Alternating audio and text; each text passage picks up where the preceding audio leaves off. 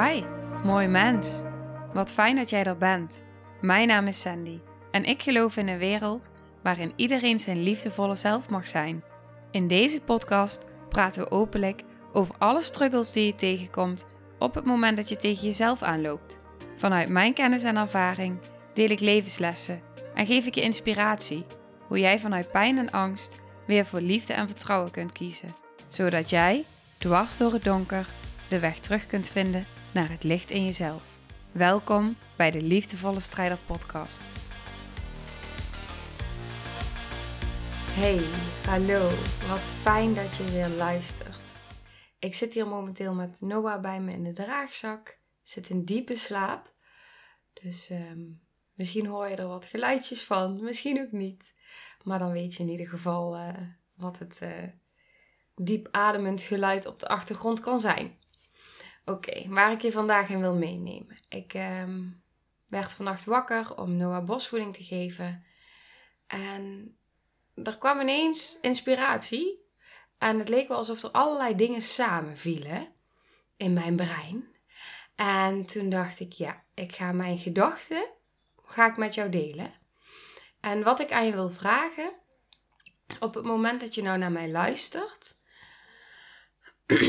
dat doe ik zelf namelijk ook altijd. Ik wil aan je vragen om op het moment dat je nu dus luistert, om te gaan voelen wat het met jou doet. Wat mijn woorden met jou doet in jouw lichaam. Dat zei ik ook al in een andere aflevering. Ik merk bijvoorbeeld, ik was dus een boek aan het lezen, daar kom ik dadelijk op terug. Ik was een boekje aan het lezen en op zo'n moment dat ik zo'n boekje lees, dan voel ik tegelijkertijd, ben ik bewust van oké, wat speelt zich af in mijn lichaam? Hoe reageert mijn lichaam op de informatie die ik binnenkrijg? En of het nou is via de podcast of via lezen. Hoe reageert jouw lichaam op de informatie die jij binnenkrijgt? Namelijk heel erg belangrijk. Want wat ik vind en wat ik ook vaker benoem in deze afleveringen van mijn podcast, is dat niemand het beter weet dan jij. Dus ik kan nu mijn gedachten met je gaan delen. En iemand anders zegt weer iets anders en die zegt weer iets anders. Het gaat erom wat doet het met jou? Dus die wil ik als eerst even met je meegeven. In alles wat ik zeg, gaat het om wat het doet met jou. Oké. Even een diepe zucht. nou, ik zal even ergens gaan beginnen. Nee, ik ga hier beginnen. Wat ik vaak merk in sessies, en misschien herken jij hier ook wel in. Ik herken mezelf hier namelijk ook heel erg in. En ik zie het zo ontzettend veel gebeuren in sessies. Is de overtuigingen die mensen hebben als ik moet het allemaal alleen doen. Ik moet sterk zijn. Ik mag geen emotie tonen. Ik mag geen zwakte tonen. Emoties zijn zwakte. Uh, maar ook letterlijk de patronen om dus in je hoofd te schieten, om niet te hoeven voelen. Om dus dat wandelend hoofd te zijn. Om maar niet in je lichaam die emoties te voelen. Om, wat ik ook heel vaak zie bij mensen, dat ze dingen weg gaan slikken. Nou, zo heb ik oneindig veel voorbeelden. Maar misschien herken je hier al dingen in dat je denkt: ja, dit, dit herken ik wel. Ik zie dit zo ontzettend veel. En wat ik hier dus interessant aan vind, is dat ik dit dus ook zie bij mensen die dus geen sessies hebben met mij, maar gewoon in mijn omgeving. Zie ik heel veel mensen die dit doen. Die in hun hoofd leven om niet te hoeven voelen. Die het gevoel hebben dat ze alles alleen moeten doen. Dat ze sterk moeten zijn. Ook mannen hebben, hier, hebben dit natuurlijk heel vaak. Hè? Ik moet sterk zijn. En wat soms dan ook mensen tegen me zeggen. Van ja, maar ik heb een prima jeugd gehad. Ik snap niet waar dit vandaan komt. Ik heb een prima jeugd gehad. Waar het hier om gaat, is ontwikkelingstrauma. En waar het hier ook om gaat, is dus dat jouw innerlijk kind, of misschien zelfs wel jouw, daar gaat deze aflevering over, jouw innerlijke baby, bepaalde pijn heeft ervaren. En dus in een ja, overleefdelen heeft ontwikkeld om met die pijn te kunnen dealen. Oké. Nou ligt, zoals je het misschien wel al hebt gehoord in deze podcast, mijn baby bij ons in bed. Wij waren bij het consultatiebureau en daar werd tegen mij gezegd van de baby die moet nu wel zelfstandig kunnen slapen. Oké, interessant. Dus ze zeiden van we adviseren je om een boek te bestellen die daarover gaat. Het is een snelgids om je kind te leren slapen. Nou, ik dacht, prima, ik wil best het advies opvolgen. Ik bestel dat boek en ik ga dat boek lezen. Kijken of ik er wat tips uit kan halen. En dan ga ik voelen in mijn lijf wat er, wat, wat er in mij gebeurt op het moment dat ik dit lees. En ik ging dat boek lezen. En ik las een paar zinvolle tips. Dat ik dacht, nou fijn, daar hebben we wat aan. En vervolgens kwam ik bij de methode. De methode om je kind alleen te leren slapen. En toen ik dat las, toen voelde ik echt dat ik dacht: oh nee, dit, dit, nee, nee. En hij zei ook van ja, ik heb al 3000 kinderen onderzoek gedaan, 3000 kinderen goed leren slapen. Ik geloof best dat die methode werkt. Dat geloof ik. Alleen de vraag is, en dat staat er niet bij in dat boek, wat doet het in de ontwikkeling en in de overtuigingen en uiteindelijk de patronen van die baby? Dat staat er niet bij. En als ik dan lees, ik zal het even voorlezen, stap voor stap. Oké, nou je stopt je kind gewoon rustig in. Nou, dat is prima. En dan ga je dus steeds op dezelfde manier tegen je kind zeggen: Liefje, papa en mama gaan je leren alleen te slapen. Vanaf nu slaap jij hier in je bedje. Dus iedere keer als je baby, dan ga je de kamer uit, dan laat je de baby alleen. En iedere keer als hij dan huilt, dan kom je naar hem toe en dan zeg je die zin. En dan na 5 à 10 dagen slaapt je baby door. Nou, als je mijn aflevering hebt geluisterd over ehm, een baby laten huilen, aflevering 88, dan snap je nu wel waarom ik dat niet zou doen en waarom ik dat niet voel. En dat dit eigenlijk voor mijn gevoel ook een beetje in lijn staat met dat. Want jouw baby, er wordt dus van jouw baby verwacht die een paar weken oud is, dat hij alleen in een ruimte gaat slapen, zich daar veilig voelt, zelfstandig is, om het alleen maar te kunnen. En ik, ik dacht vannacht ineens, toen had ik Noah gevoed. En hij, als hij, als hij, meestal valt hij dan in slaap, zeg maar, tijdens het voeden. En dan leg ik hem gewoon naast me en dan slaapt hij door. En nou dacht ik een keer van, nou weet je wat? Ik zal hem eens 10 centimeter verder leggen in zijn co-sleeper. en uh, kijken wat dat doet. En zijn ogen gingen gelijk open. En toen dacht ik, oké, kom maar weer terug bij mama. Want daar voel je je fijn. En toen dacht ik ook, dit is dus gewoon waar die, waar die overtuigingen vandaan komen. Dat is mijn gedachte, hè? Ik zeg niet dat het zo is, maar dat zijn mijn gedachten. Dit is waar die overtuigingen vandaan komen. Want als ik nu mijn baby zou laten liggen en ik zou weer gaan en ik zou wel terugkomen en ik zou zeggen: Liefje, papa en mama leren jou alleen te slapen. Um, jij kan dit nu zelf, of ja, weet ik veel wat die zin was. Maar snap je?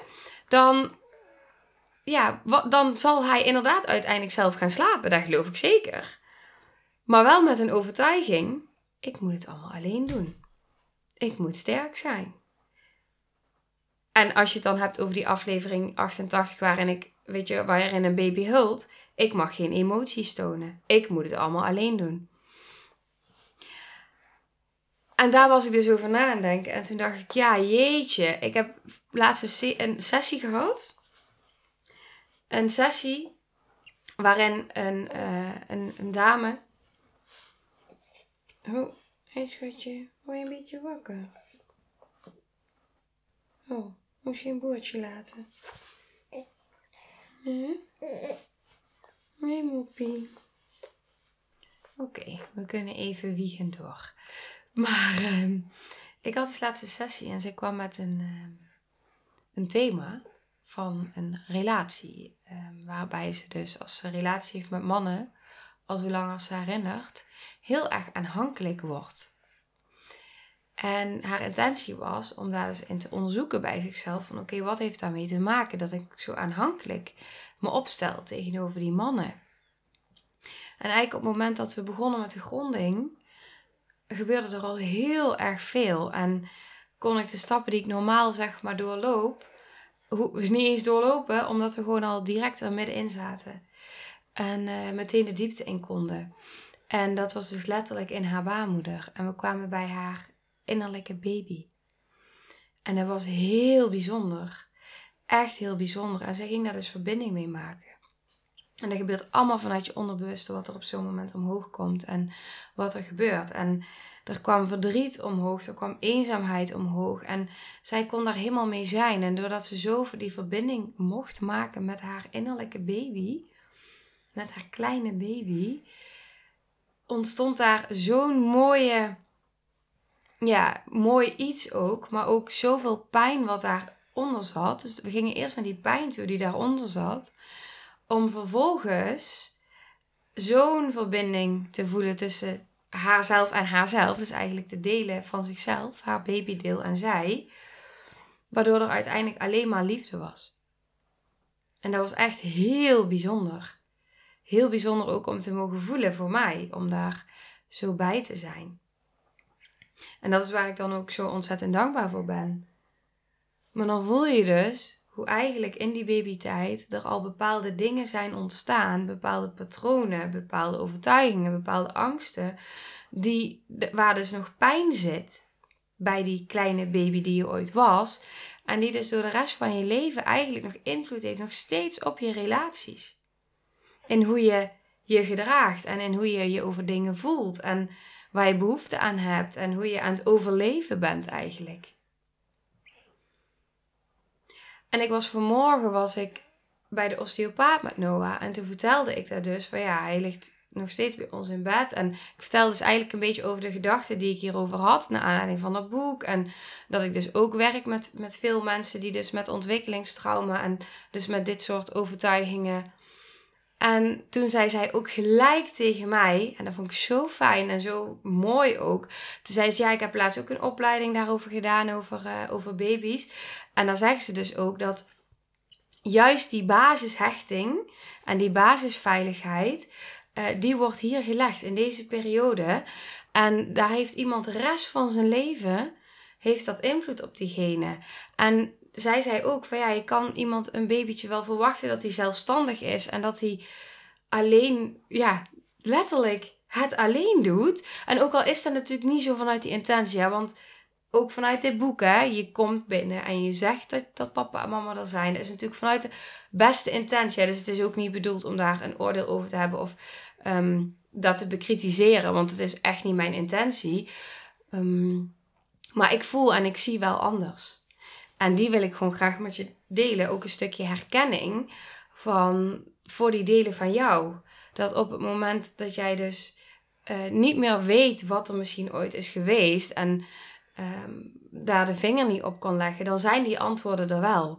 Die antwoorden zitten in jouw lichaam. Die antwoorden, die weet jouw onderbewuste en die, die reageert nog steeds. Jouw innerlijke kind, jouw innerlijke baby reageren nog steeds alle, ja, elke dag. In alles wat je doet. En op het moment dat je bereid bent om naar die pijn toe te bewegen, om daar dus verbinding mee te maken, dan kun je dus dingen daarin voor jezelf gaan helen en oplossen. Ja.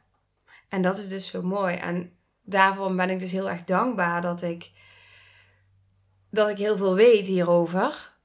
En dat ik dus heel erg ook bij mezelf kan voelen van oké, ik hoor nu dit en ik, ik wil heel graag het beste voor mijn kindje. Wat is dan het beste? Ja, ik denk dat mijn gevoel me leidt. En dat is dan wat ik volg. En dat is denk ik het belangrijkste wat ik voor hem kan doen. Mijn gevoel blijven volgen.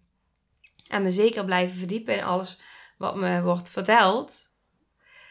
Maar ook de kennis die ik zelf hierin heb. En ook natuurlijk wat ik continu om me heen zie. En ik geloof gewoon dat er zoveel meer in die babytijd. Want dan denk ik, hoeveel mensen in, in onze omgeving, misschien herken je jezelf, maar ik denk dat je zat mensen om je heen herkent die, die echt overtuigd zijn van het feit dat, dat, dat ze het zelf moeten doen. En dat ze sterk moeten zijn. En dat ze geen emoties mogen tonen. En dat het allemaal wel prima gaat en dat er niks aan de hand is. Je zal ze vast kennen. Ja, waar komt dat dan vandaan? Waarom hebben zoveel mensen die overtuiging van we moeten sterk zijn, we moeten het allemaal alleen doen? Want vroeger lagen babytjes natuurlijk niet bij je in bed. En dat is nog steeds natuurlijk best wel een taboe, denk ik. Terwijl als je dan kijkt in eh, andere landen en in stammen, en dan liggen baby's gewoon bij de moeders. En ja, als je kijkt naar dieren ook, hè. Baby's die worden echt niet in een andere kamer gelegd of in een andere ruimte. Die liggen gewoon tegen mama aan. Dus ja, dit wou ik met je delen. En nogmaals, op het moment dat jij dus je hierin herkent in dit soort overtuigingen, ja, dan is het heel interessant voor jezelf om ook daarin te gaan kijken van oké, waar komen die vandaan? Waar zijn ze ontstaan? En om daarin voor jezelf ook een stukje heling te mogen brengen. En dit is ook in, in het programma wat ik uh, over een tijdje ga lanceren, is dit ook een, uh, een heel belangrijke module. Dus echt, um, ja, ik neem echt zeg maar door middel van hypnoses, neem ik je mee naar je babytijd, naar je innerlijk kind. Maar dus ook naar de momenten waar zeg maar, die patronen en overtuigingen zijn ontstaan en welke je daarin herkent van jezelf. Om daar dus verbinding mee te mogen maken. En dan hoef je het niet, zeg maar, uh, wat sommige mensen misschien weerstand bij voelen, is op het moment dat je het dus met een, een therapeut samen doet in een één op één sessie of in een groepsessie of wat dan ook. Dan kun je het ook gewoon zelf, want ik begeleid je er helemaal doorheen. En dat, um, is wel heel interessant, denk ik, voor jezelf op het moment dat jij jezelf hierin herkent. En dat je voelt dat je hier iets in te doen hebt voor jezelf. En niet alleen voor jezelf natuurlijk, want ja, ook voor je kinderen. Want daar werkt het natuurlijk op door, uiteindelijk. Dus um, ja, nou, dat. Daar was hij voor vandaag. Dan ga ik. Ja, Noah is het er volgens mij helemaal mee eens, hè, schat. Dat was een tutty die verloor. ja, schattie. Nou, ik ga weer even lekker verder wiegen en zijn met Noah. En uh, knuffelen. En dan, uh, ja, tot de volgende aflevering zou ik zeggen. Met heel veel liefde namens ons samen.